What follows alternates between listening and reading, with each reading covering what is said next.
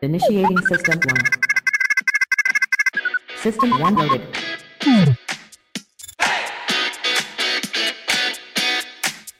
Ben je nou zo dom of is het niet?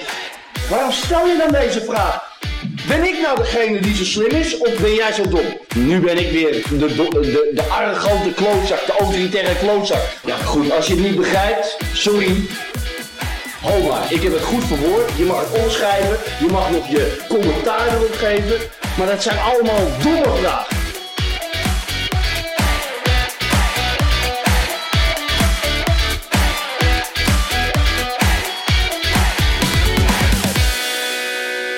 Hey, hallo en leuk dat je weer luistert naar een nieuwe aflevering van de Voetbalpodcast. Mijn naam is Jimmy Dries en ik zit hier natuurlijk weer met Sam Planting. Hoi Jim. Hey Sam. Hey, en het is een heugelijke week, want eh, de Europese bekertoernooien gaan weer beginnen. En dat is eindelijk weer eh, ja, competitief voetbal waar ook echt iets op het spel staat. Want ja, alle competities zijn al eh, ja, ruim en breed of afgebroken of afgelopen natuurlijk. Nou, sterker nog, het staat allemaal weer op het punt van beginnen. Ja, Eh, heel even een, kleine vertakking van tevoren. Dat, eh, eh, waar, eh, nee, ik ga het niet over jouw verwonding. Jim heeft ook een interessante verwonding. gaan we het niet over hebben. Daar gaan we het niet over hebben. Maar nee, dat, waar wij in Europa, dat toch eigenlijk alle... Er staat uiteindelijk geen competitie op het spel. Want er zijn natuurlijk wel vreemde plannen met of er nou wel of niet met publiek gespeeld gaat worden. Noem het allemaal maar op. Maar wat mij eigenlijk de afgelopen week het meeste opviel, is dat de Amerikaanse sportcompetities, het honkbal is weer begonnen. Dat gaat helemaal mis. Ja, dat is een fiasco. Ja, daar hebben meerdere teams, eh, eh, daar vallen wedstrijden gewoon uit, omdat er dan 16 besmettingen in één team zijn. Ja, Het basketbal, eh, dat, gaat goed met de bubbel tot nu toe? ja, toch? dat is, dus, dat is dus in Disneyland Orlando wordt, dat, wordt het seizoen gewoon nu in razend tempo eh, met een eh, no one in, no one out policy uitgespeeld. Maar het is dus wel de vraag of de twee sportcompetities in Amerika volgend seizoen, dus basketbal en het American voetbal, of die doorgaan. Ja. Eh, dat lijken wij in elk geval niet in het, gewoon ons voetbal te hebben. En dat is in elk geval Nee, al- ja, maar Amerika is sowieso een, een, een qua, qua COVID-bestrijding natuurlijk even iets, iets anders dan eh, Europa op dit moment. Nou Al moet ik zeggen, ja. de MLS-bubbel gaat ook goed, om het toch even voetbal gerelateerd te houden. Er zijn we natuurlijk wel, eh, twee clubs deden er van tevoren ook al niet mee. Maar op zich gaat dat goed. Ja, Maar eh, Want in elk geval, dat, dat, dat, wij hebben dus niet die bubbel aanpak hier. Van dat, er dus, dat je dus in wezen de, alle teams op één hoop gooit. Ja, dat gaan we zo meteen ja, wel hebben met de Champions League, ja, alles naar Portugal. Maar, nou ja, in elk geval, godzijdank dat, eh, dat we zo meteen... Laten we zeggen, in eh, e- eind augustus, loop september... dat we weer gewoon voetbalseizoenen zo meteen hebben. Die, ehm, ja, in het nieuwe normaal... Toch? Nou ja, Om een in- afschuwelijk... In eh, Schotland zijn ze gewoon alweer begonnen. Dat is heel raar. In Schotland zijn ze gewoon alweer begonnen met de competitie natuurlijk. Ja. Ja, dus daar- er zijn competities net afgelopen of afgebroken. Het Europese seizoen is nog bezig. En ja, sommige Europese competities beginnen alweer. Ja, en even voor de huishoudelijke orde. Deze podcast komt op een dinsdag uit. Dus deze luisteren de, de mensen op een dinsdag, woensdag of donderdag. Wanneer ze willen. Of ze luisteren niet. Als ze luisteren niet, mag ook. Ehm, vrijdag en zaterdag hebben we de restjes Champions League. Ja. Om dan woensdag de 12e, eh, dus dat is woensdag over negen dagen vanaf nu eh, dat wij opnemen, dat de kwartfinales beginnen. Wij gaan die kwartfinales uiteraard in de volgende afspre- af, eh, aflevering bes- bespreken. bespreken. Maar, ik zeg je ook heel eerlijk, Jim, ik was tot een paar dagen geleden, was ik dit ook eigenlijk helemaal vergeten. In de tussentijd zijn er op deze woensdag en donderdag, Gewoon Europa League wedstrijden. ja, Ik heb nog nooit zo uitgekeken naar Europa League wedstrijden. ja, Het is, want- het, het, het is een toernooi wat... Kijk, natuurlijk, ik ben een voetbalverslaafd, dus ik kijk wel.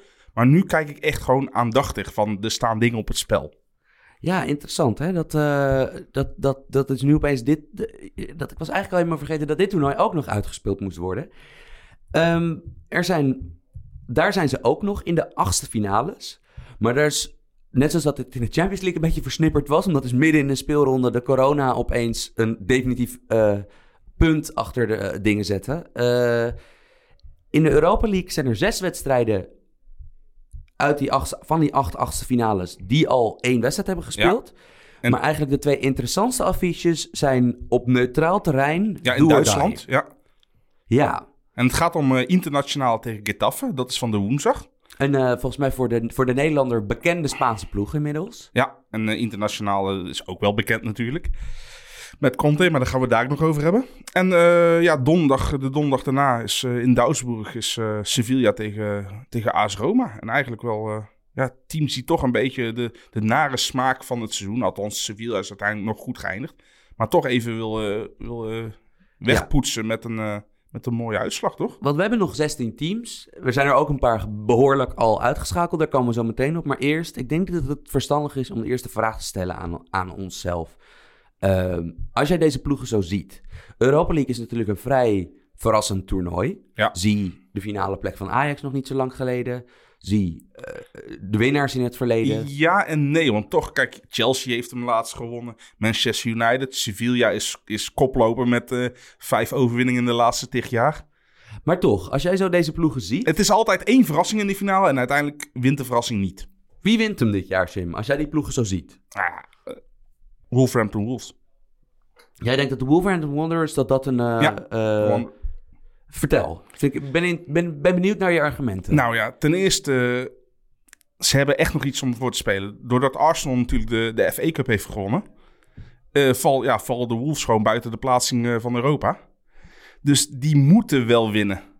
Ten tweede, ze, hebben al een, een goede uitgangspositie tegen Olympiakos, die Arsenal heeft uitgeschakeld. Dus, uh, dus ja, ik verwacht dat ze van Olympiakos thuis moeiteloos winnen. Want weet jij bijvoorbeeld wat de ambities zijn van Wolves? Ze zijn dit jaar Ja. uiteindelijk zevende geworden.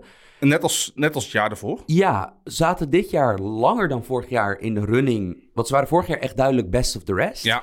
Dit jaar nog echt vrij lang in de running voor, voor die vierde plek in Komt Champions ook League wel omdat juist die vierde plek eh, ook met heel veel puntverlies nog te bereiken was natuurlijk. Zeker. Dus het wil niet zeggen dat, dat Wolves het beter heeft gedaan. De rest heeft het gewoon minder gedaan ook.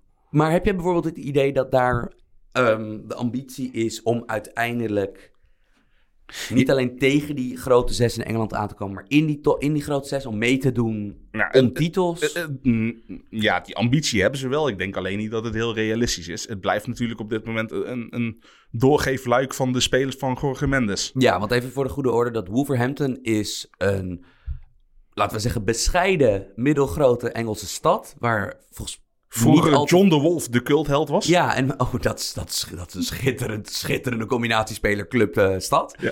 Ehm, maar een, ja, toch wel bescheiden, ja, toch middenstad Ja. in Engeland. Ja, Het is geen Birmingham, geen eh, Manchester. Waar een ploeg die altijd in het oranje... Een ploeg die een beetje de heen en weer was, ook in Engeland toch. Want ze, zat, ze deden wel eens mee in de Premier League, dan weer niet. Ja. Maar die opnieuw opeens met een hele rits Portugezen... en eigenlijk ook alle, bijna alle jonge Portugees internationals... eh, die spelen daar. Ja, Leg ons even uit waarom dat zo is, Jim. Want dat is... nou ja, de, de, de meest... Iedereen heeft het altijd over Minareola als de meest machtige agent. Maar er staat natuurlijk nog even één baas boven hem dat is Jorge Mendes. Die als voornaamste cliënt... Ja, een andere Portugese speler, ik kan even niet meer op zijn naam komen. Cristiano Ronaldo Ja, heeft, ja, en eh, die, die, die, die regeert daar gewoon. En die, eh, die bepaalt eigenlijk eh, ja, welke goede spelers. Kijk, ik wil wel zeggen, kijk, ik, ik ben het nooit eens met als een zaakwaarnemer zo'n groot aandeel in de club heeft. Maar ik moet wel zeggen, hij stuurt ook wel echt kwaliteit naar, naar de Wanderers toe, toch? Ja, en dan vind ik dat wij, zeker voor mensen, dat, dat ook de mensen die Premier League voetbal kijken, ik, ben, ik verwacht niet dat zij de volledige selectie van Wolverhampton zullen weten. Dus stel, zullen wij bijvoorbeeld vier spelers uitlichten eruit? Van, Portugees of niet Portugees?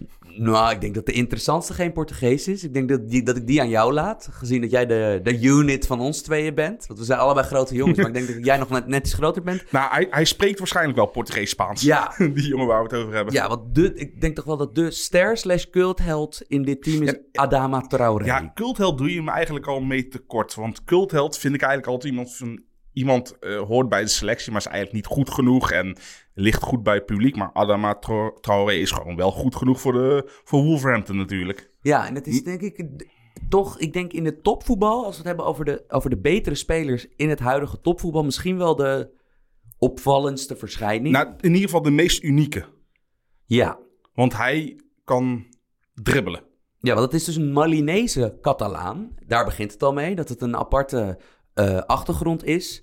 Een jongen die volgens mij, als ik me goed herinner, in de Champions League is gedebuteerd voor Barcelona, Voor Barcelona. tegen Ajax.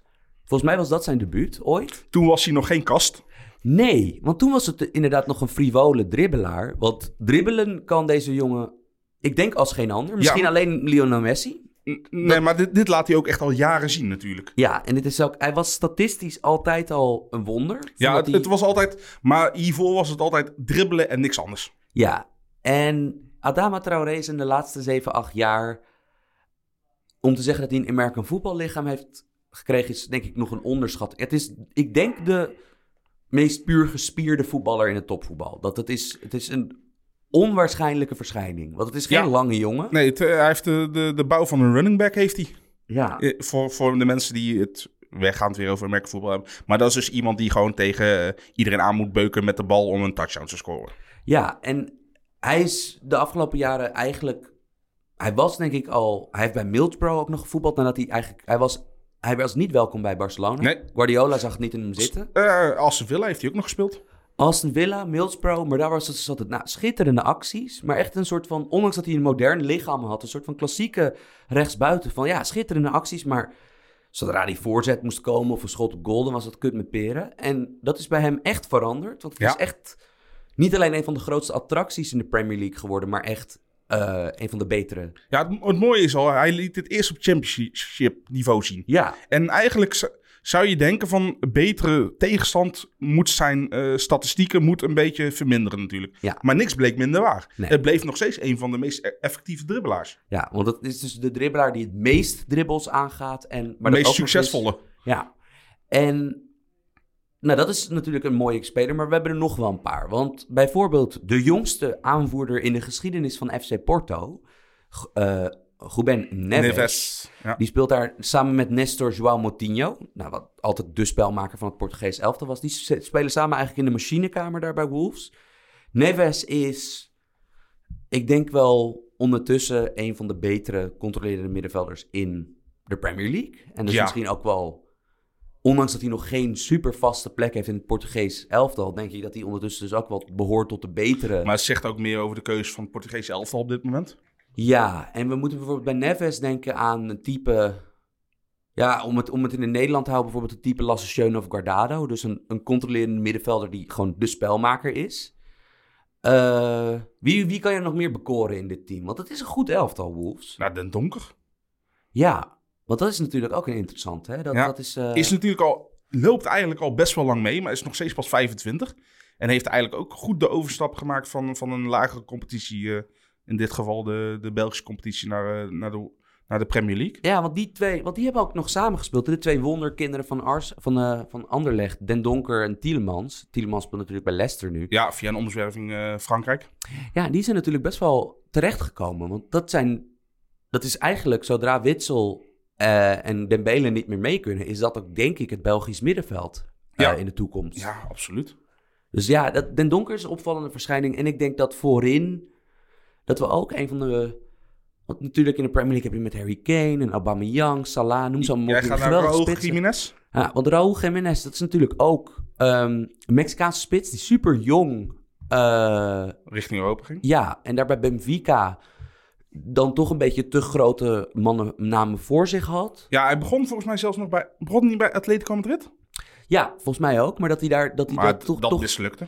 ja, nou, van elk geval te veel grote namen. Maar toen is hij dus eigenlijk als reservespits bij Benfica voor heel veel geld naar Engeland gehaald. Ja, en iedereen- dat was... Dan, toen dacht ik wel van... Ja, dat is wel een Jorge Mendes deal om even iets te pleasen. Ja, En want er is, er, is, er is, ondanks dat, dat Ronaldo zijn grootste cliënt is, is die Mendes heeft traditioneel gezien altijd de gehele eh, selectie van Benfica onder. Ja, Eh, en als er iets aan de hand als huis is, is het eh, Benfica wel Ja. met, met de andere Portugese topclubs. Maar het was dus, er gingen nogal wat wenkbrauwen omhoog toen deze Jiménez, voor ik denk een bedrag van ja, tegen de 40 miljoen, een Mexicaanse spits die zich niet had bewezen in Ja. Portugal, dat hij naar Engeland ging. Maar ja, aan de andere kant, het is de Premier League. Daar betalen ze altijd al veel te veel geld. Laat staan voor een aanvaller. Aan de andere kant, Het is van- nou een koopje. van de 20 spitsen die er naar de Premier League vertrekken, mislukken er 18. Ja. Ik bedoel, in Nederland hebben wij Vincent Jansen bijvoorbeeld, maar je hebt, je hebt superveel van dat soort voorbeelden. Dit seizoen heb je Joey Linton bij, Ja, eh, bij, bij Newcastle. Newcastle. Als Newcastle natuurlijk al heel lang een spitsenkerkhof. Ja, maar dat Raúl Jiménez is, is, is bij Wolves eh, wat onder een Portugese trainer, Nuno Espirito Santos, een heel een soort van de anti-Mourinho. Ook een tacticus. Ik vind het mooi hoe je dat uitspreekt. Alsof het echt een soort eh, heilige goed is. Ja, maar het is een, het is een man met een, een kale man met een glorieuze baard. Grijze, mooie grijze baard. Was een goede keeper vroeger. Ehm, die is daar trainer. En ze spelen toch het soort voetbal wat Wolverhampton speelt. En jij zegt dus dat ze goed genoeg zijn om in een toernooi waar Inter meespeelt, Sevilla en United meespeelt. Jij zegt dat ze misschien wel kampioen kunnen, of eh, het Europa League kunnen winnen. Portugezen zijn toernooivoetballers. Ja, maar die Jiménez is daar heel belangrijk voor. Want ze spelen altijd... Is trouwens een Mexicaan Jiménez voor de, voor de duidelijkheid, geen Portugees. Ja, want ze spelen dus altijd met drie of, zoals je wil, vijf verdedigers. Maar ze spelen dus altijd 3-4-3 of 3-5-2. Maar het komt er wel altijd op neer dat, hoe ze ook spelen, ze hebben een echte targetman voorin. Want Jiménez is een mooie Mexicaanse spits, van ook goed uiterlijk. Tegen de 1,90 aan. Maar hij is berensterk. En wij denken dus alle... Bijvoorbeeld, ik weet niet of ik helemaal met je meega dat Wolves dit toernooi wint. Ik denk wel dat dit een toernooiploeg is. Want ze kunnen goed verdedigen. Ze hebben een paar heel speciale spelers. Ze hebben een, een motivatie om Ja, het om toernooi te Europees eh, te halen. En als de Wolves op een mooie run gaan, denk ik dat Jiménez, denk ik, een van de... eh, Helder wordt. ja, dat gezegd hebbende. Er is ook nog een andere Engelse club in de running, Manchester United. En die zijn natuurlijk wel... AC Milan is goed in Italië sinds de coronabreak, maar eh, Manchester United post-corona in Engeland heeft natuurlijk opeens Ja. zijn shit op orde. Ja, ze hebben een vaste basis, in ieder geval het middenveld en eh, de aanval die staat. Ja, heel veel, toch wel opmerkelijk dat waar ja, je noemt, of eh, nou ja, we hebben het al heel vaak over hem gehad, maar Mason Greenwood, toch een beetje de, de Engelse Arjen Robben, is compleet doorgebroken dit jaar. Ja. En moet dan elke dag in de kranten en online lezen dat United Het? Sancho voor 120 miljoen eh, betalen. een, een bizar bedrag wil over hebben om Sancho terug te halen naar Engeland. Eh, vind ik altijd een beetje iets akeligs hebben bij die Engelse clubs. Dat het, dat het is echt rupsje nooit Rupsje genoeg daar. nooit genoeg, inderdaad. Ja. Ehm, United heeft in elk geval niets te vrezen meer in de achtste finale. Tegen, Nou ja, hey, er zijn gekkere... Nee, er zijn geen gekkere dingen Ja. Ik denk niet dat er ooit nog een 5-0 achterstand is goed gemaakt. ja, tegen de uitschakelaar van PSV en AZ. Ja, Las Las. Maar eigenlijk eh, sinds de corona-tijdperk zijn ze totaal ingestort. Het begon al met de straf die ze kregen. Toen Dat ze, is, Ja, want toen, ze, toen de corona stopte was, stonden ze bovenaan. Nou goed, ze zijn te vroeg begonnen met trainen. Hebben ze een strafpuntenvermindering gekregen. Ja, daarna, waardoor ze de koppositie Ja. aan Salzburg weer kwijtraken. Ja, eigenlijk Salzburg de, de grootste speler in eh, Oostenrijk Ja, natuurlijk. die kregen weer cadeau, de koppositie. Ja, en sindsdien hebben ze volgens mij nog twee wedstrijden gewonnen en alles verloren daarna. Dus die zijn geduikeld naar de vierde plek. En ja, en tegen, tegen, tegen United, ja, 5-0. Ehm, Hoeveel geld zou jij op Las Kliens durven te zetten? geen. Nee, het antwoord is geen. Eh, als ik kijk naar de teams die ik nog in het toernooi zie zitten. Ik had eigenlijk tot een paar dagen geleden had ik Inter dan genoemd als team waarvan ik denk van, nou ja, als we heel eerlijk zijn, van wat is, de, wat is de compleetste ploeg? Ik denk ook dat de bookmakers tot een tijdje geleden ook met mij mee zouden zijn gegaan, voordat United zo goed werd, dat Ja. dit de favoriet zou zijn. Maar het is in Milaan, in het blauw-zwarte gedeelte van Milaan, is het gewoon weer eh, puinzooi zoals altijd. Terwijl het raar is, want kijk, bij AC Milan is nou de Hosanna. Terwijl zij een, een sle- nog steeds een slechter seizoen hebben gedraaid Ja, dan Inter. Inter is, geworden. Inter is eh, tweede. Ja, en Inter heeft volgens mij meer punten gehaald dan ze volgens mij sinds de Mourinho-dagen hebben gehaald Ja. in een seizoen. Maar toch, eh, het rommelt daar met Conte. Ja, dat Antonio Conte heeft vanochtend, toen wij de, van, van Nou, gisteravond begon het al, maar vanochtend heeft hij in, bij, aan het einde van, van, van het seizoen van Inter, gisteren bij de laatste wedstrijd, heeft hij eigenlijk bij elke cameraploeg die het wilde horen. Daar was hij niet vies van, nee. Nee, ik heb er, een paar, ik heb er ook eentje teruggekeken en het was echt, het- dat hij, nou ja, en het bestuur had, had mijn rug niet. En Nee, ze, ze geven je Christian Eriksen voor 50 miljoen of Ja, wat hij het ook kreeg een winteraankoop van 50 miljoen en hij het hoogste gebruikt. salaris in de Ita Italiaanse competitie ooit. Ja. Hij heeft al een wingback voor volgend seizoen, Hakimi, gekregen voor 40 miljoen. Maar Conte doet wat Conte doet. Want Ja. Eh, Mourinho heeft altijd de naam de grote lul in het topvoetbal te zijn. Maar dit is de derde topclub op rij waar, wat eerst bij zijn Juventus en Ja. daarna bij Chelsea, Chelsea, dat, ja. dat, dat Conte echt met klappende deuren, eh, volgens mij zijn, zijn eigen vertrek Een forceert. klein kind dat zijn zin niet krijgt, terwijl die eigenlijk wel gewoon zijn zin wel krijgt. Ja, want het is dus heel vreemd dat Inter is tweede geworden. Nou ja, dat je tweede achter Juve ging worden, zat natuurlijk al... Ja, in de pijpleiding. Ja, het, het was natuurlijk wel... Het doel was natuurlijk om Juve een keer te kloppen dit seizoen. En Ja. lang... Ze hebben En, natuurlijk en, lang en het Juve volgehouden. was klopbaar. Ja, en Inter was tot een sp- speeldag of 30. Deden ze ook echt mee om die titel. Heus. Ehm, maar ja, Conte lijkt in elk geval zulke taal te opperen dat, hij, dat het ondenkbaar lijkt dat hij volgend seizoen daar nog trainer is. En dat het eigenlijk ook al moeilijk lijkt te worden om. eh, Moet je überhaupt te houden. ja, en er is ondertussen bij Inter vrij veel gaande. Eh, eh, ja, toch wel eh, peperdure winteraankoop Eriksen, die eigenlijk bij Tottenham Hotspur en Ajax altijd meneer hoge ondergrens was. Toch dat er als er één topvoetballer is die altijd hetzelfde, Ja. hetzelfde levert wat je van hem verwacht, is het Eriksen wel. Ja, toch vond ik hem bij de Spurs een jaar wel goed, een jaar niet goed. Eh, Ik, ik had er, ik had, misschien waren mijn verwachtingen te hoog, maar ik had er meer van verwacht bij de Spurs.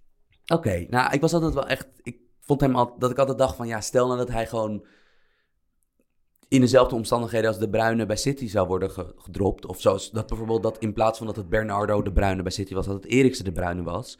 Dan denk ik dat dat heel imposant was geweest. Ja, tuurlijk. Maar dat ligt ook voornamelijk aan de Bruinen natuurlijk. Maar ja, Eriksen loopt dus niet helemaal. Lautaro Martinez, die eigenlijk voor de coronabreak als spits naast Lukaku eigenlijk aan het werken was om misschien wel een van de duurste spelers Ja, werd in de wereld te werd worden. aan Barcelona gelinkt. Ja, en dat was ook dat hij was zo compleet eh, bij zowel Inter als het Argentijns team. eh, dat men dacht van ja, dit gaat dan ook een transfer van 150 miljoen of iets dergelijks worden. Die is opgehouden met scoren. Ja, maar goed, eh, zijn compagnon Lukaku niet. Dat, dat, dat dan weer wel. En dat eigenlijk de ontdekking post-corona voor Inter, dat is namelijk dat ze Alexis Sanchez huurden van United. Ehm, en Sanchez, die bij United, ja, volgens mij bij een club waar al redelijk wat miskopen zaten, als een van de miskopen van de eeuw werd gezien. Maar het pianofilmpje was mooi.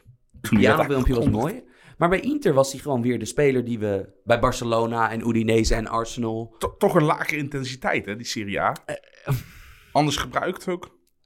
Ik zit wel door Alexis Sanchez. Maar ja, Eriksen is het, ander, is het tegendeel van het verhaal. Hè? Maar ik zit door Alexis Sanchez trouwens wel te denken van... Zou een van die Italiaanse clubs met de portemonnee niet gewoon moeten proberen Özil te redden van het vage vuur in Londen? Als moet Euzel niet gewoon net als heel die Duitse selectie, nou, die kampioen werd, met pensioen gaan. Laten we even een uitstapje maken, want dat is We, nu... we springen wel van de hak op de tak nou. Ja, maar dit is, dit is wat dus... We hebben nu in één week tijd Schürrle en Heuwedes die stoppen. Ja. En ja, dan niet eh, eentje van de WK, maar eh, Sandro Wagner ook nog. Dus alle Duitsers die stoppen gewoon op de... Ja, wat, maar het is wel grappig, hè? Dat, dat, dat elftal wat in 2014 wereldkampioen werd, hoeveel van die er nog in de baas staan, zijn nu nog relevant? Ja. Neuer, maar niet meer zoals vroeger. En maar Gutsen bijvoorbeeld ook. Gutsen stond nog niet in de baas, maar ja, is, is 28, is clubloos. Royce, die, ja, die is, wegens blessure zat hij er niet bij, is opnieuw geblesseerd geraakt. Is toch ook, ja, Weet je wie de enige in dat Duitse elftal is die nog steeds even goed is als toen? Heiko Westerman. Nee. wie is de enige speler bij, in het Duits van het wereld, die- wereldkampioen elftal wat nog steeds... Kroos. En Thomas Müller. Oh ja. Ja, Onvoorstelbaar. Müller wordt altijd vergeten. Terwijl die was niet jong. Maar die was Kroos toch ook? Ja, maar Kroos is wel weer een stapje trager. En, en, Ja, en dat kan niet. Kroos was altijd al traag. Maar om, om, om even terug te gaan naar Inter. Dat, dit is vreemd, toch? Want het was dus, nou, tot twee maanden geleden. Deden ze mee om de titel in Italië. Moesten ze dus wel door een moeilijke pool in de Champions League. Zijn ze in de Europa League plan, Ja. maar golden ze toch wel als grote favoriet. Ze spelen dus, ja, een one-and-done wedstrijd tegen Getafe. Een vervelende ploeg. Alleen post-corona Ze ook niet ja, zo... Eigenlijk sinds dat ze Ajax hebben uitgeschakeld, winnen ze niet meer. Hebben geen Davison meer. ik denk dat Inter, zelfs een turbulent Inter, dit nog in een, in een eenmalige wedstrijd nog wel wint. Maar ik zie deze ploeg niet meer. Ik, of ik, ik heb ze ook een paar keer zien spelen sinds- sinds, de coronabreak. Ik, ik, Ja, ik, ik, ik- zie niet helemaal scenario vormen waarin zij Ze hebben één goede wedstrijd gespeeld en dat was tegen Atalanta. Maar ik vond ook Atalanta echt totaal oververmoeid ogen. Nee, dat is, ze, Dus- ze hebben inderdaad... Dat is, dat, ik zit na te denken. Dat is denk ik hun beste wedstrijd eh, sindsdien. Maar ja, Wel een vreemd belangrijk man, die, die konten. Dat, ik, we gaan even naar de complothoek. Ik heb een paar complottheorieën. Zet je aluminium hoedjes maar op, jongens. Ehm, Juventus is kampioen geworden met Sarri. Ja. Maar Sarri is een grote persoonlijkheid en als... Ja, en zonder Sarribal zijn ze kampioen geworden. Ja, want het is niet zo dat ze met dat, dat... Nou, daar hebben we het vorige aflevering uitgebreid over gehad. En daarnaast, project Ronaldo brengt wat druk met zich mee. Dus als zij de Champions League niet winnen, wordt, is er niet... Er is geen sprake van een mislukt seizoen, maar ook niet van een geslaagd seizoen. Nee. Zou het ondenkbaar zijn dat Conte misschien achter de schermen... Want ik bedoel, het is het Italiaans voetbal, laten we eerlijk zijn. Er zijn vreemdere comebacks geweest daar. Nou ja, en eh, wat het er is, sowieso Italiaanse spelers die, die wisselen ook van clubs alsof het schoon ondergoed is. Ja. Onderling. Ik denk... Ik denk A, dat Conte een club achter de hand heeft. Dat hij zo raar aan het doen is nu. Ja, heeft hij iedere keer nog gehad. Want elke keer als hij de lul uit, uithing, Ja. kwam hij weer bij een topclub Maar het terecht. is ook natuurlijk zo, want laten we eerlijk zijn, dat Conte is misschien niet in Europees verband, maar qua de drie project, grote, grootschalige projecten die hij heeft moeten doen, heeft hij tot nu toe elke keer wel met het materiaal voorhanden maximaal gepresteerd. Ja. Juventus weer een, echt een topteam gemaakt. Chelsea naar een titel gebracht met absoluut niet de beste selectie in die, in die, in die competitie toen. Ja. En Inter, Hazard en Kanté? en ook met Inter, ik bedoel, Inter had niet half de selectie die Juventus dit seizoen had. Nee, zeker niet. Kijk, maar de, de stand vertekent uiteindelijk wel iets. Want ze zijn met... Juventus heeft één punt meer gehaald dan, dan Inter. Maar dat komt natuurlijk omdat ze van de laatste vier wedstrijden eh, volgens mij drie hadden verloren of zo. Ja. Dus dat vertekent wel wat natuurlijk. Eh, maar het is wel grappig dat Man United als een van de topfavorieten tekent de rest van dit toernooi ook. Want ze hebben dus Alexis Sanchez, fluit, want daar hadden we het namelijk ook nog over. Alexis Sanchez fluiten ze terug. Ja, Die mag volgens mij in dit potje tegen Getafe nog meedoen. maar daarna niet meer. Wat een... Ja, Ja, ik, ik weet nou niet of ik het juist een, een ballenmove vind of gewoon echt smerig. Ik denk beide gewoon. maar het grappige is dat als we kijken naar een van de andere ploegen die dit toernooi zouden kunnen winnen, dat is namelijk Roma, die tegen een one en dan tegen Sevilla moeten doen. Daar hebben ze Mooi ze- bruggetje, mooi bruggetje. Daar gaan ze de beste verdediger wegfluiten. Want Chris Smalling, die in Engeland nooit heeft kunnen aarden, echt. Of nooit helemaal die erfenis van Ferdinand en Vidic op zich kon nemen. Wat op zich ook begrijpelijk is. Ja. Want ja, dat is het beste verdedigingsduo van United sinds eh, ja, dag en nacht. Maar dat... ehm, die gaan ze ook terugfluiten, Ja, United. En dat is natuurlijk wel van, dat zijn spelers waar ze zelf niet per se mee hoeven te, aan de slag te tuurlijk hoeven. niet. Dit, dit is gewoon puur... Kijk, want van Smalling wil ze af. Alleen AS Roma gaat hem niet kopen. Die gaan waarschijnlijk voor eh, Vertongen de transfervrije optie. Maar dit is gewoon puur je, je, je concurrentie verzwakken. Niet je eigen team beter maken. En daarom ga ik niet voor United als mijn team waarvan ik hoop dat het de Europa League wint. Nou ja, hopen sowieso niet. Want ja, Ik ga voor Bayer Leverkusen. Het is, Bots, het is tijd voor Bosse revanche. Dat, eh, nou, het heeft er alle schijn van dat, dat de beste speler die Leverkusen in lange, lange tijd heeft gehad, Havertz, dat die naar Chelsea gaat. dat dit de afscheidstournee is inderdaad. Ik ben heel benieuwd. Dat, ik denk dat Leverkusen was sinds de corona, maar ook wel daarvoor, konden ze ogen als misschien wel het beste team in Duitsland na Bayern. En op andere momenten gingen ze er met 3-4-0 op tegen een middenmotor of een rechterrijtje. Ja, iets wat je bij een ploeg van Peter Bos verwacht. Ja. Eh, zij hebben in de achtste finale een ruime voorsprong. Ik meen 3-1 voorsprong te verdedigen tegen Glasgow Rangers. Ja. Nou, we hebben Glasgow ook zien voetballen tegen Feyenoord dit seizoen natuurlijk. Ja, Lijkt- zijn, wel lijkt- al wel weer aan een nieuw seizoen begonnen. Ja, maar dat lijkt ook alweer een eeuwigheid geleden. Maar ik denk dat dat nog wel lukt. Ehm, dus ik ga eigenlijk daarvoor. Omdat Leverkusen een ploeg is met veel spelers. Eh, ze hadden wat fitheidsklachten te- tegen het einde van het, eh, van het Bundesliga-seizoen eh, na de coronabreak. Bij veel ploegen zag je dat trouwens. Ja, maar aan de andere kant, we moeten niet vergeten dat die Duitse ploegen ook in de Champions League zometeen een best wel groot voordeel hebben. Dat Duitsland en Italië natuurlijk, en Spanje ook. Maar dat vooral Duitsland, die zijn alweer het langst onderweg. En Jij denkt dat het groot voordeel is? ja, want je zag, post-corona, zag je dat over vermoeidheid bij ploegen zag je meer, toch? Ja, ja nee, zeker. En ik denk dus wel dat de, de Bundesliga die was dusdanig vroeg klaar dat er alweer wat rust overheen is Ja. gekomen. Maar dat ze nog wel genoeg ritme hebben, maar niet de vermoeidheid Want ik meer. denk dus dat die Franse teams, en dan hebben we het, hebben er, we hebben dus Lyon en Parijs in de Champions League. Ja, Dat bijvoorbeeld, ik denk dat die echt een nadeel hebben. ja. Van dat, ik kan me bijna niet voorstellen dat die hun eerste officiële wedstrijd sinds wat? De eerste week van maart of de laatste week februari. Ja, eh, Paris Saint-Germain heeft natuurlijk eh, alweer tegen Saint-Etienne eh, de cup Ja, gespeeld. is waar, en, is tegen Lyon ook de cup. Dat is waar. Nee, oké, maar, maar, maar dat Maar ze dus goed, dat echt zijn twee wekelijks, wedstrijden. Dat, dat ze wekelijks... voet- ik, ik, ik zie wel een voordeel voor Leverkusen in de Europa League en eh, Bayern in de, in de Champions League met, met, met hoe die tijd is ingedeeld. Ja. Ehm, opmerkelijk, Jim. Wolves wordt kampioen ja, in de Europa League.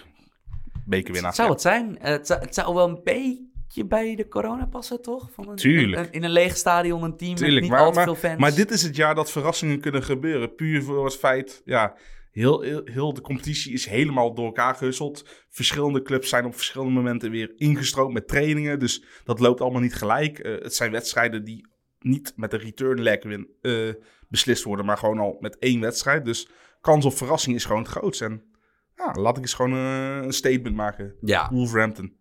Eh, als we dan naar de Champions League kijken, de dagen erop, kunnen we eentje afkruisen. Bayern München, Chelsea, dat is 3-0 geworden in Londen. Dat maakt Chelsea niet meer goed. Nee. Want Bayern München eh, zag er tamelijk onverslaanbaar uit eh, in de Bundesliga. Die, zijn nou wel een van de favorieten, vrees ik. Maar we hebben dus vrijdag, eh, vrijdag 7 augustus, en ook vreemd genoeg tegelijkertijd, Ja. dat ik denk van, moet dit, waarom... waarom, waarom- We hebben al zo lang zonder voetbal moeten Ja. zitten en dan kwellen jullie ons nou ook Ja. nog dat het tegelijk wordt gespeeld. Want het is ook nog eens machtig interessant. Want aan de ene kant hebben we het schitterende affiche. Hebben we Manchester City, Real Madrid.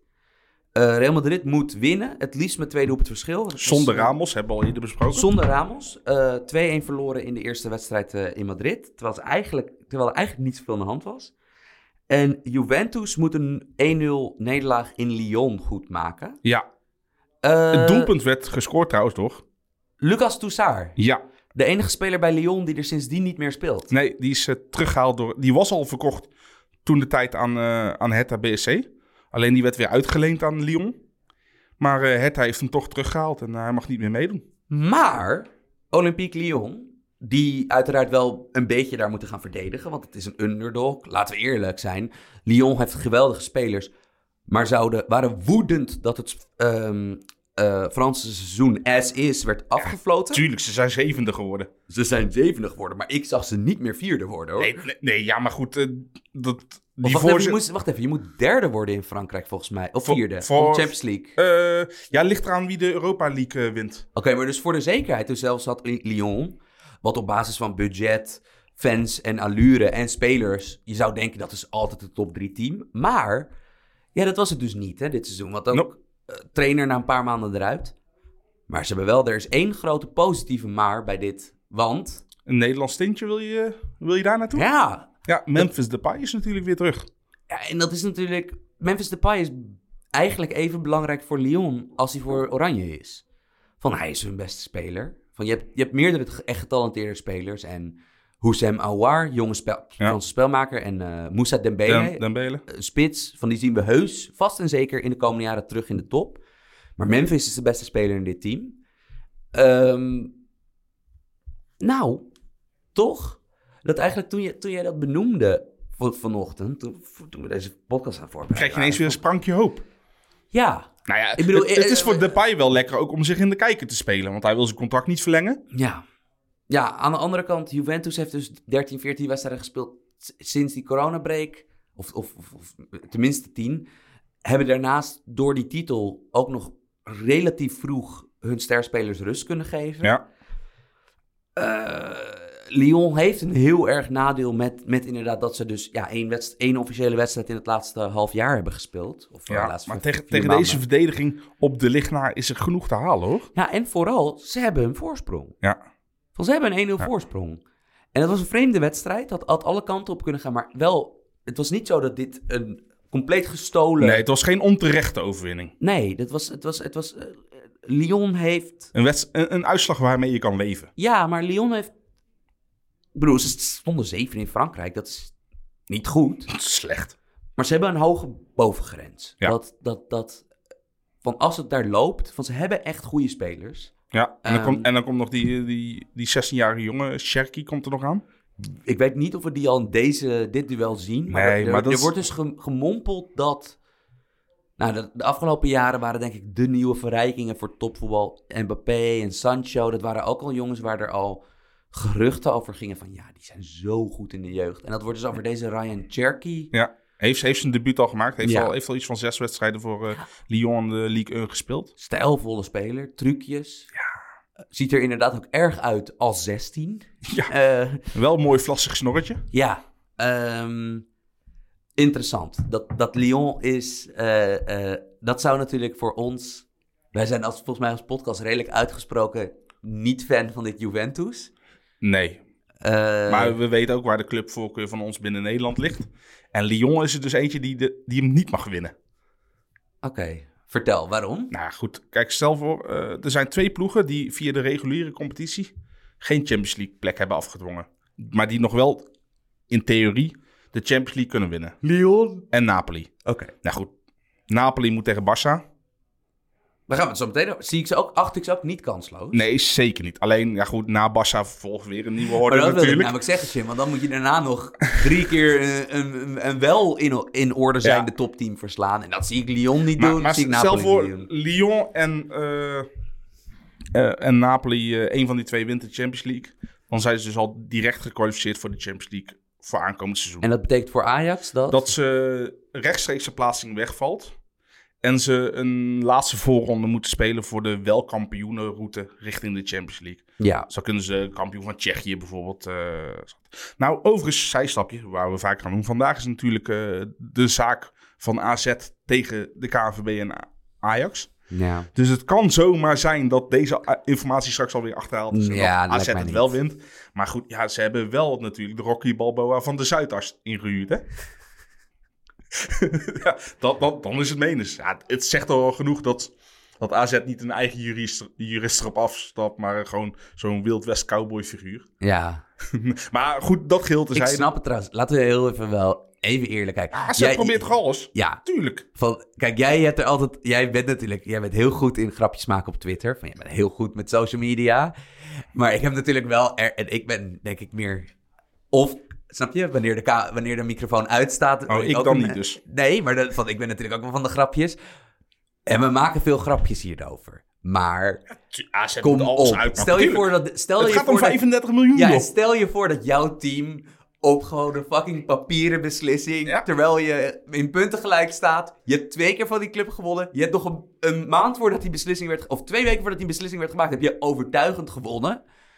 Tuurlijk begrijp ik dat ze alles aangrijpen. Aan de andere kant, je moet na een tijdje ook wel, ik weet, de Rocky Balboa van de Zuidas, klinkt duur, Ja. toch? Ja, maar na een tijdje, dat is wel zoiets je, Neem, er, je verlies. je moet er niet een, eh, spelersalaris in gaan pompen of zo. Nou ja, eh, hey, het kan 35 miljoen opleveren. ja, hey, maar terug naar Lyon. eh, nee, maar dan, dan Barcelona-Napoli, dat is op zaterdag. Want dan bewaren we de, de, de, de wedstrijd voor de smikkelberen bewaren we wel als laatste. Het mooiste affiche. Maar Barcelona-Napoli 1-1 in Napels. Vond, ik heb die wedstrijd volgens mij niet hoeven analyseren toen. Maar ik heb hem wel gezien. Ik weet nog dat ik me rotsrok. Dat ik dacht... eh, van, van het niveau al geheel? Of van... Nee, van het niveau Barcelona. Omdat ik had zoiets... Ik zie Barcelona natuurlijk wekelijks... zag ik die aanmodderen in de, in de, in de La Liga. En elke week weer... Er, ja, gewoon dat Messi de boel maar weer... de meubelen weer moest redden. Ehm, dit was een vreemde... eh, eh, eh, Napoli is absoluut niet meer de ploeg die... de versprankelend voetballende ploeg die het was onder Sarri. Want ze hebben wel een gigantische tegenpol aangesteld. Ze hebben Gennaro Gattuso. Toch wel één iemand meer uit mijn school ehm, voetbal denken. En, Een van de, en Dalton, emoties. een van de Dalton-broeders van Lucky Luke. Ja, ik bedoel, toch, toch eens een man naar mijn hart. Hij heeft de boel wel... Ik dacht dat Gattuso... Ik heb hem ook al bij Milan aan de slag gezien een keer. Ehm, ik dacht dat hij mm, een niet zo goede trainer was. Ja, nee, maar... En weet ik je, vind Sam, dus Sam, wel bij Napoli... vind ik het alleszins meevallen. Ja, maar vergeet niet, uiteindelijk ze zijn wel gewoon door AS Roma en Milan voorbijgeschreven. Ze hebben geen Europees voetbal eh, meer, maar ze hebben wel natuurlijk de, de beker gewonnen. Ze hebben de beker gewonnen. Ja. Ehm, zijn ze... Wacht even, want het is, zijn als Roma en. Milan boven zijn gaan... Wacht, zesde denk ik geworden. Zevende. Zevende. Ja. Dat is niet best, de Serie A, want de Serie A is aan de beterende hand, maar is geen top- topcompetitie. Nee, maar van tevoren dacht je wel van... eh, de ploegen die het Juventus moeilijk kunnen gaan maken... daar hoort Napoli bij. Ja, en ook, E- Eerder dan een Lazio van tevoren, toch? ik denk ook dat bijvoorbeeld Lozano hadden... Ik had Is tot nu toe een miskoop. Ja, ik had dat. Ik dacht, had gedacht van, nou, ik bedoel met zo'n snelheid, dat, dat kan natuurlijk. eh, Ja, van tevoren ja. zei ik en volgens mij heel de voetbalwereld... prima transfer, zowel van Lozano als van Napoli. Ja. En dat is, dit is, ik hoop echt dat hij naar, ik neem aan Spaanstalige club. Ik hoop echt dat hij een uitweg vindt naar een Sevilla, Valencia, het, het, het- eh, ja, Atletico. Valencia zie ik niet gebeuren, die, gaan hem, die kunnen hem niet nee, betalen. oké, dat, dat nou, dan valt er, nou, maar dan valt er wel. Die Volgens mij was dat een club. eh, hebben ze al voor niks... Nee, maar dat eh, was volgens mij een club die voor in de markt was Ja. pre-corona. ja. En dat is dus, ik hoop dus echt dat er een andere club is. Want het zou wel zonde zijn om het, het scheelt wel zou, dat zou een zoveelste eredivisie superster zijn die dan eigenlijk dus binnen een jaar... Kijk naar, afgeschreven. kijk, ja. kijk, kijk naar Ali Reza ook nu. Ja. Van het, het, gaat, gaat snel hoor, met al die eredivisie jongens. Dat, ik, ik, dat is niet goed voor, Nee, voor, zeker voor, de niet. door, voor, voor... Nee, maar, maar soms ja, zijn ook de, de mensen die er denken verstand van te hebben...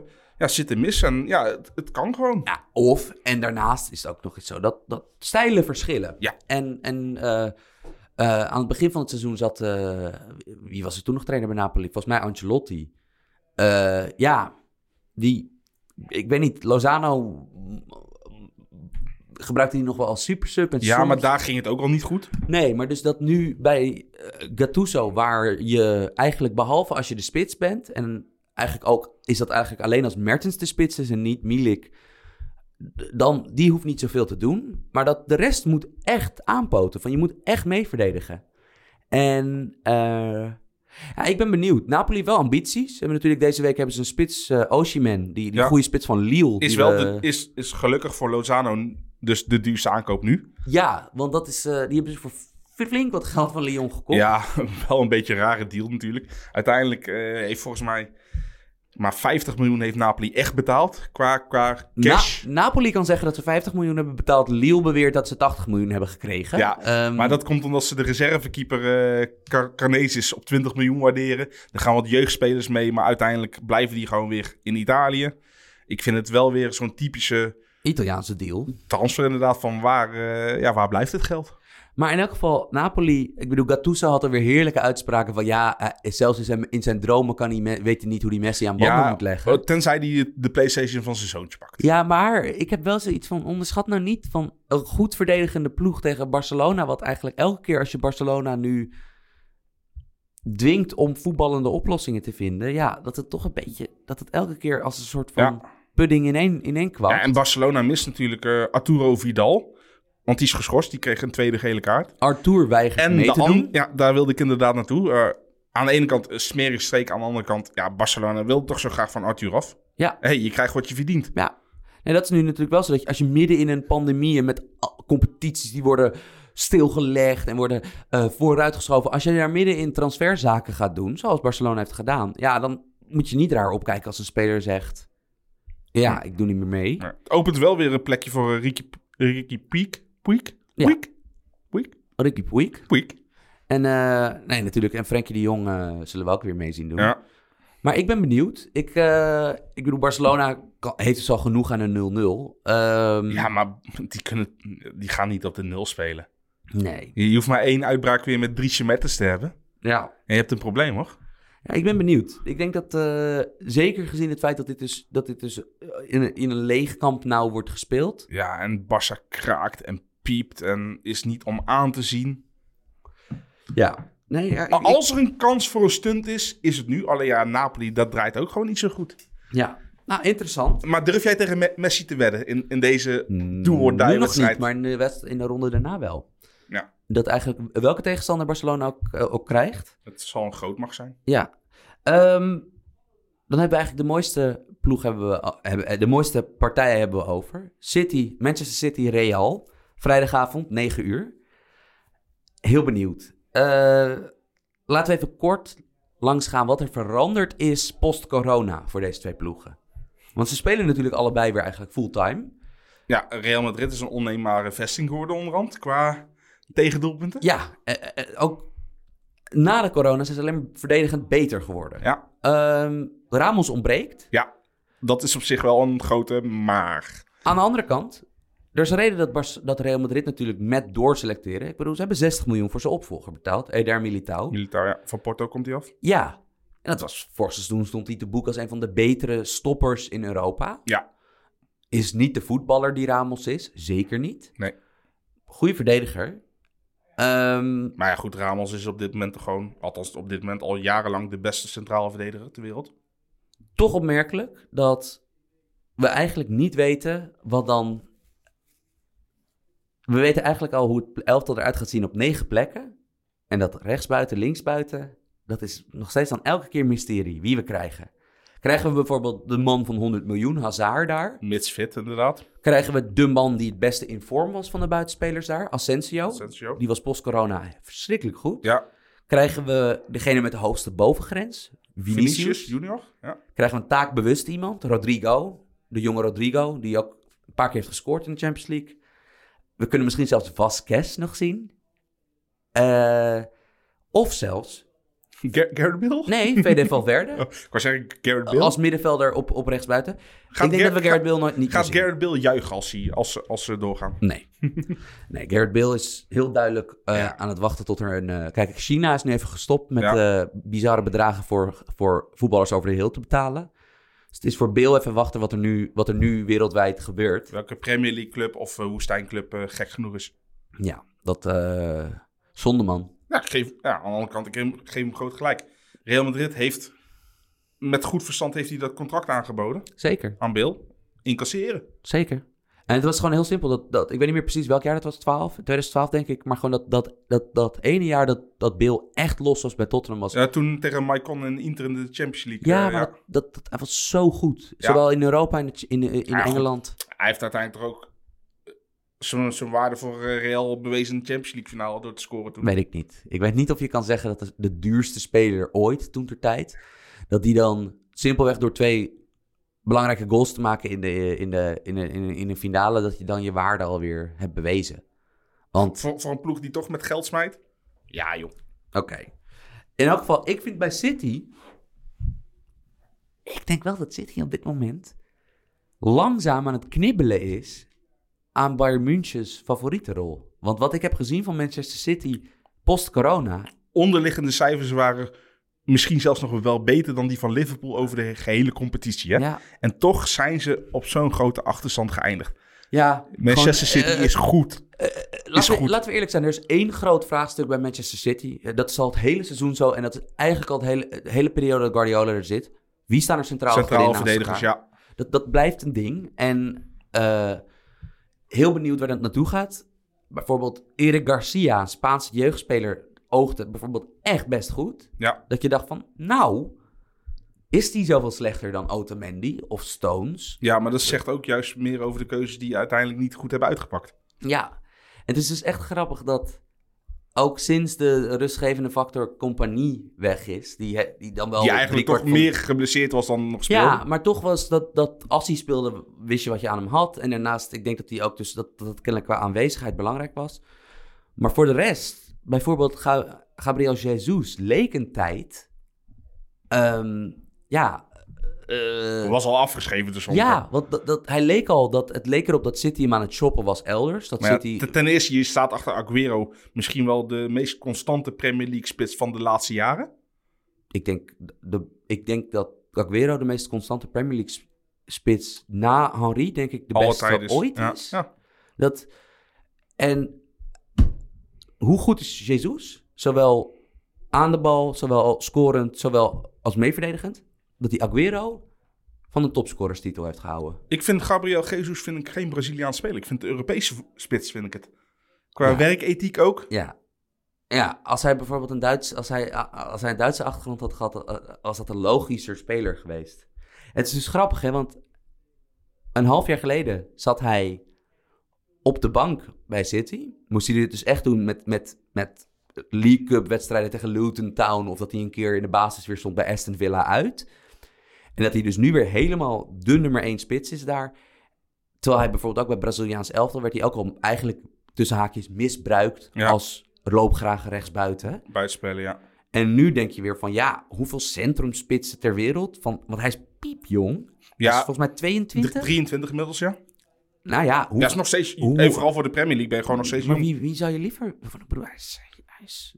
Toch, hij is zo goed. Er is één eh, spits die ik liever wil. Van in die leeftijdscategorie of jonger.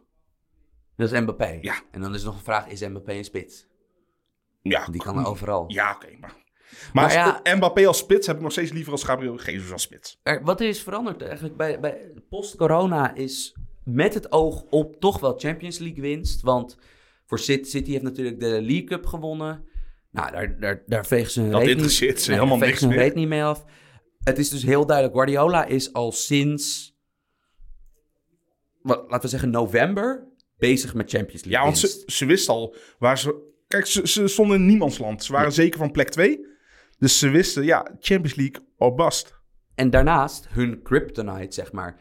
De club waar ze herhaaldelijk moeite mee hebben, Liverpool, is er natuurlijk uitgekegeld door Atletico. Wat er sindsdien is gebeurd, is dat Guardiola is aan het roteren geraakt. Nou, we noemden er net al die Eric Garcia, bijvoorbeeld de jeugdspeler die opeens de kans kreeg. We noemden er net al Jesus, die eigenlijk helemaal is heropgebloeid. En de speler die Guardiola het grootste talent noemde waarmee hij ooit heeft gewerkt. Phil Foden. Een trainer die met Messi heeft gewerkt. Phil Foden is echt goed Ja. sinds die coronabreak. Van hij krijgt nu zijn minuten. hey, maar ben je, ben je verbaasd? Een goede speler die onder een goede trainer met goede spelers het goed doet. Ja, ik bedoel, het was dus wel. Ik bedoel, deze jongen zat dus, ja, zat dus twee jaar lang op handen en voeten te wachten. Ja. Omdat, er, omdat al zijn concurrentie Eigenlijk 80 is- miljoen kostte. Eigenlijk is zijn, zijn... Hij is zelfs nog eigenlijk minder goed dan dat hij al had kunnen zijn. Zijn ontwikkeling is geremd. Ja. Hoe goed had hij nou al kunnen zijn als hij al 90 Premier League wedstrijden in de benen zou hebben? ja. Ik ben heel benieuwd. Dat, ehm, ik denk dat dit duel. Ik weet nog niet welke kant het op gaat. Omdat de ploeg waarvan je eigenlijk verwachtte die het initiatief zou hebben, die heeft de voorsprong. Ja, dus City. ze hoeven niet. Ze hoeven niet. Aan de andere kant, City is de aanvallendste, is de meest aanvallend Ja. getalenteerde ploeg. En ze hebben geen goede centrumverdedigers, dus moet je wel willen verdedigen. En daarnaast is het ondertussen wel zo dat in een wereld waar je even Messi buiten beschouwing laat, is er geen speler zo goed, wedstrijd in, wedstrijd Kevin uit. De Bruyne. Ja, dat is onvoorstelbaar. Oh. Want als deze gast dus niet, als hij in een seizoen geen blessureklachten heeft, ik heb niet een betere middenvelder zien spelen. Nee, Ik volg voetbal nauwgezet nu ruim 20 jaar. Van dat, hij is compleet, hè? hij, is alle, hij heeft alles. Van dat is dat, dat, dat een, een speler met die techniek, die, dat inzicht, Perfect die tweebenig. perfect tweebenig, zo dodelijk, maar dat hij ook nog eens zulke meters maakt. Ja, Dat hij tactisch zo slim is. fysiek in de duels eigenlijk ook nog goed is. Hij kan ze ontwijken, maar hij kan ze ook aangaan. Ja. En wat je wel dus bijna altijd bij Champions League overwinningen hebt, van je hebt een superster nodig. Zie, zie het Ronaldo-fenomeen. Ja. Van je hebt iemand nodig die, wanneer het lastig Hey, wordt... Even Real Madrid met Benzema. Ik ben van de Benzema-propaganda. nee, dat is Benzema waar. is een superster. Maar je hebt dat nodig. Ja. We hebben bijvoorbeeld ook dat scenario geschetst. de X-factor heb je nodig. Ja, en dat bijvoorbeeld... eh, ik denk dus dat er een paar spelers zijn die een wedstrijd kunnen beslissen, terwijl hun team niet per Niet se, draait, ja. n- niet per se aansprak. Ik denk dat we in, de, in het toernooi hebben we nu nog Messi, Ronaldo, Neymar, Mbappé, De Bruyne. Ja. En ik weet niet of Benzema tot die categorie Nee, tuurlijk Dat niet, je maar- de- Ja, en- twee flitsen Benzema, Ramos ploegen? City. En, je Ramos kan een wedstrijd voor je beslissen. ja, door niet mee te doen. Ja. Het zou echt wat zijn, hè? Twee jaar brei. Ja, Dat je de Champions League, dat je als Real Madrid toch wel misschien wel de prestigieuste club op aarde. ja. Dat je dan twee jaar brei. Je twee, twee, twee jaar niet uitgeschakeld omdat Ronaldo niet meer met- bij je zit. Maar gewoon omdat Ramos in de beslissende wedstrijd ontbreekt. Ja. Heel benieuwd naar. Eh, Klein toto-rondje doen met die, met die vier Champions League wedstrijden. Ja. Kom maar op. Allebei een uitslag noemen. Ja, City Real. 1-0. 3-2. Zo. Ja, ik denk Ga ik dat voor zitten voor ja, die denk, wedstrijd ik denk dat er in de eerste helft nog wat consternatie is. En dat er daarna in de tweede helft dat de Bruyne en co... eh. Juventus-Lyon. Eh, het is bij Lyon, is het? Nee, het is, het is, ja, het is, nee, het is, het is Juventus-Lyon, maar Oké. het is in een leeg stadion. Ja. Eh, Italiaanse scheids of niet? Hopelijk niet. Ik neem aan dat ze dat, ik hoop dat ze dat, Ju- Juventus wint met 2-0. dat, daar ga ik in met je mee. En ik durf te zeggen dat die tweede goal valt pas na... 97 e minuut. Ja, na de 90ste minuut. Van richting de 2-0. veranderde bal van Ronaldo en die gaat juichen als een gek. 0-1 Bayern München Chelsea. Chelsea. Ik denk 2-0 Bayern München. Ik denk dat Chelsea eh, dat... dat Chelsea, misschien- Chelsea wil nog een, eh, op een goede voet wil die de Champions League uit van een toch mis, mislukt seizoen. Oké. Eh, Barcelona-Napoli. 2-1. Barça. 1-2. Jij gaat voor de... Ja, ik denk, Verrassing? dat, ik, denk dat, ik, ik denk dat dit hele seizoen een opmaat is geweest. En dat is het nu al, want ze hebben de titel aan Real verspeeld. Ik denk dat heel Barcelona seizoen een beetje een opmaat aan het, aan het zijn is voor een heel erge teleurstelling. Het zou natuurlijk de heropening van de Champions League. En dat in Spanje gaan ze er toch wel vanuit dat dit allemaal. Ik denk, narratief gezien, zie ik het helemaal gebeuren. Dat Barcelona, dat die, dat die zo de bal laten vallen. De tranen zullen rijkelijk vloeien in Catalonië. Je, je zegt dat wel een beetje vergeld, man. Een beetje verlekkerd. Dat, eh, Nou ja, ik, ik, ben op zich, eh, ik ben op zich geen Barça-fan, maar ook geen Barça-tegenstander. Maar ik, ik ben in dat soort wedstrijden waarin ik eh, geen favoriet heb, ben ik altijd wel weer voor de underdog. Jim, Ja, daarnaast, de voorbereidingen gaan ook weer een beetje van slag. Gaan ook weer een beetje van start, hè? ja. Dat, ik denk dat we volgende, volgende aflevering, dat we A, hebben we de Champions League Ja. voor te beschouwen en na te beschouwen. Maar dat we dus volgende week, of precies een week, voor het eerst in... Nederland eh, gaan we bespreken voor het eerst sinds maanden. Nee, je moet ook nog denken, we zijn pas sinds de corona weer terug. Dus eigenlijk voor het eerst on-air, voor het eerst in anderhalf jaar. Oeh, dat brengt een druk met zich mee. Helemaal goed. Dus eh, goed voorbereiden, man. Ja, ik zal kijken wat ik kan doen. Ik kan niks beloven, maar eh, goed, en anders lul ik wel wat, joh. Maar, Helemaal goed. Maar uit, ik kom er toch mee weg, hopelijk. Hey jongens, dit, eh, dit was het weer voor deze aflevering van de Voetbalpodcast. Leuk dat jullie weer hebben geluisterd. Eh, het is, eh, wil je een review schrijven? Vind je ons goed, vind je ons slecht? Het interesseert ons niet. Maar doe het dan toch op iTunes. Dan komen we volgens mij weer hoger in de lijst. Lager kunnen we volgens mij al niet. Nou. Dus eh, nou, zijn, wij, zijn wij een rechter rijtje of een linker rijtjes podcast? Wij zijn, eh, wij zijn eh, onvoorspelbare middenmoot. en anders gaan we rechtszaak aanspannen. Zo en is ik het. vrees dat wij een goede kans hebben. De Rocky Balboa van, van Noord. Van Pand Noord, oké. hey, jongens, dus ja, schrijf een review of schrijf het niet. Maak er maar wat van. Rest mij niks anders te zeggen dan weer afsluiten met een SO. En dat doe ik met Eric Palmer Brown. A shout out Tommy Frederick Nozevic.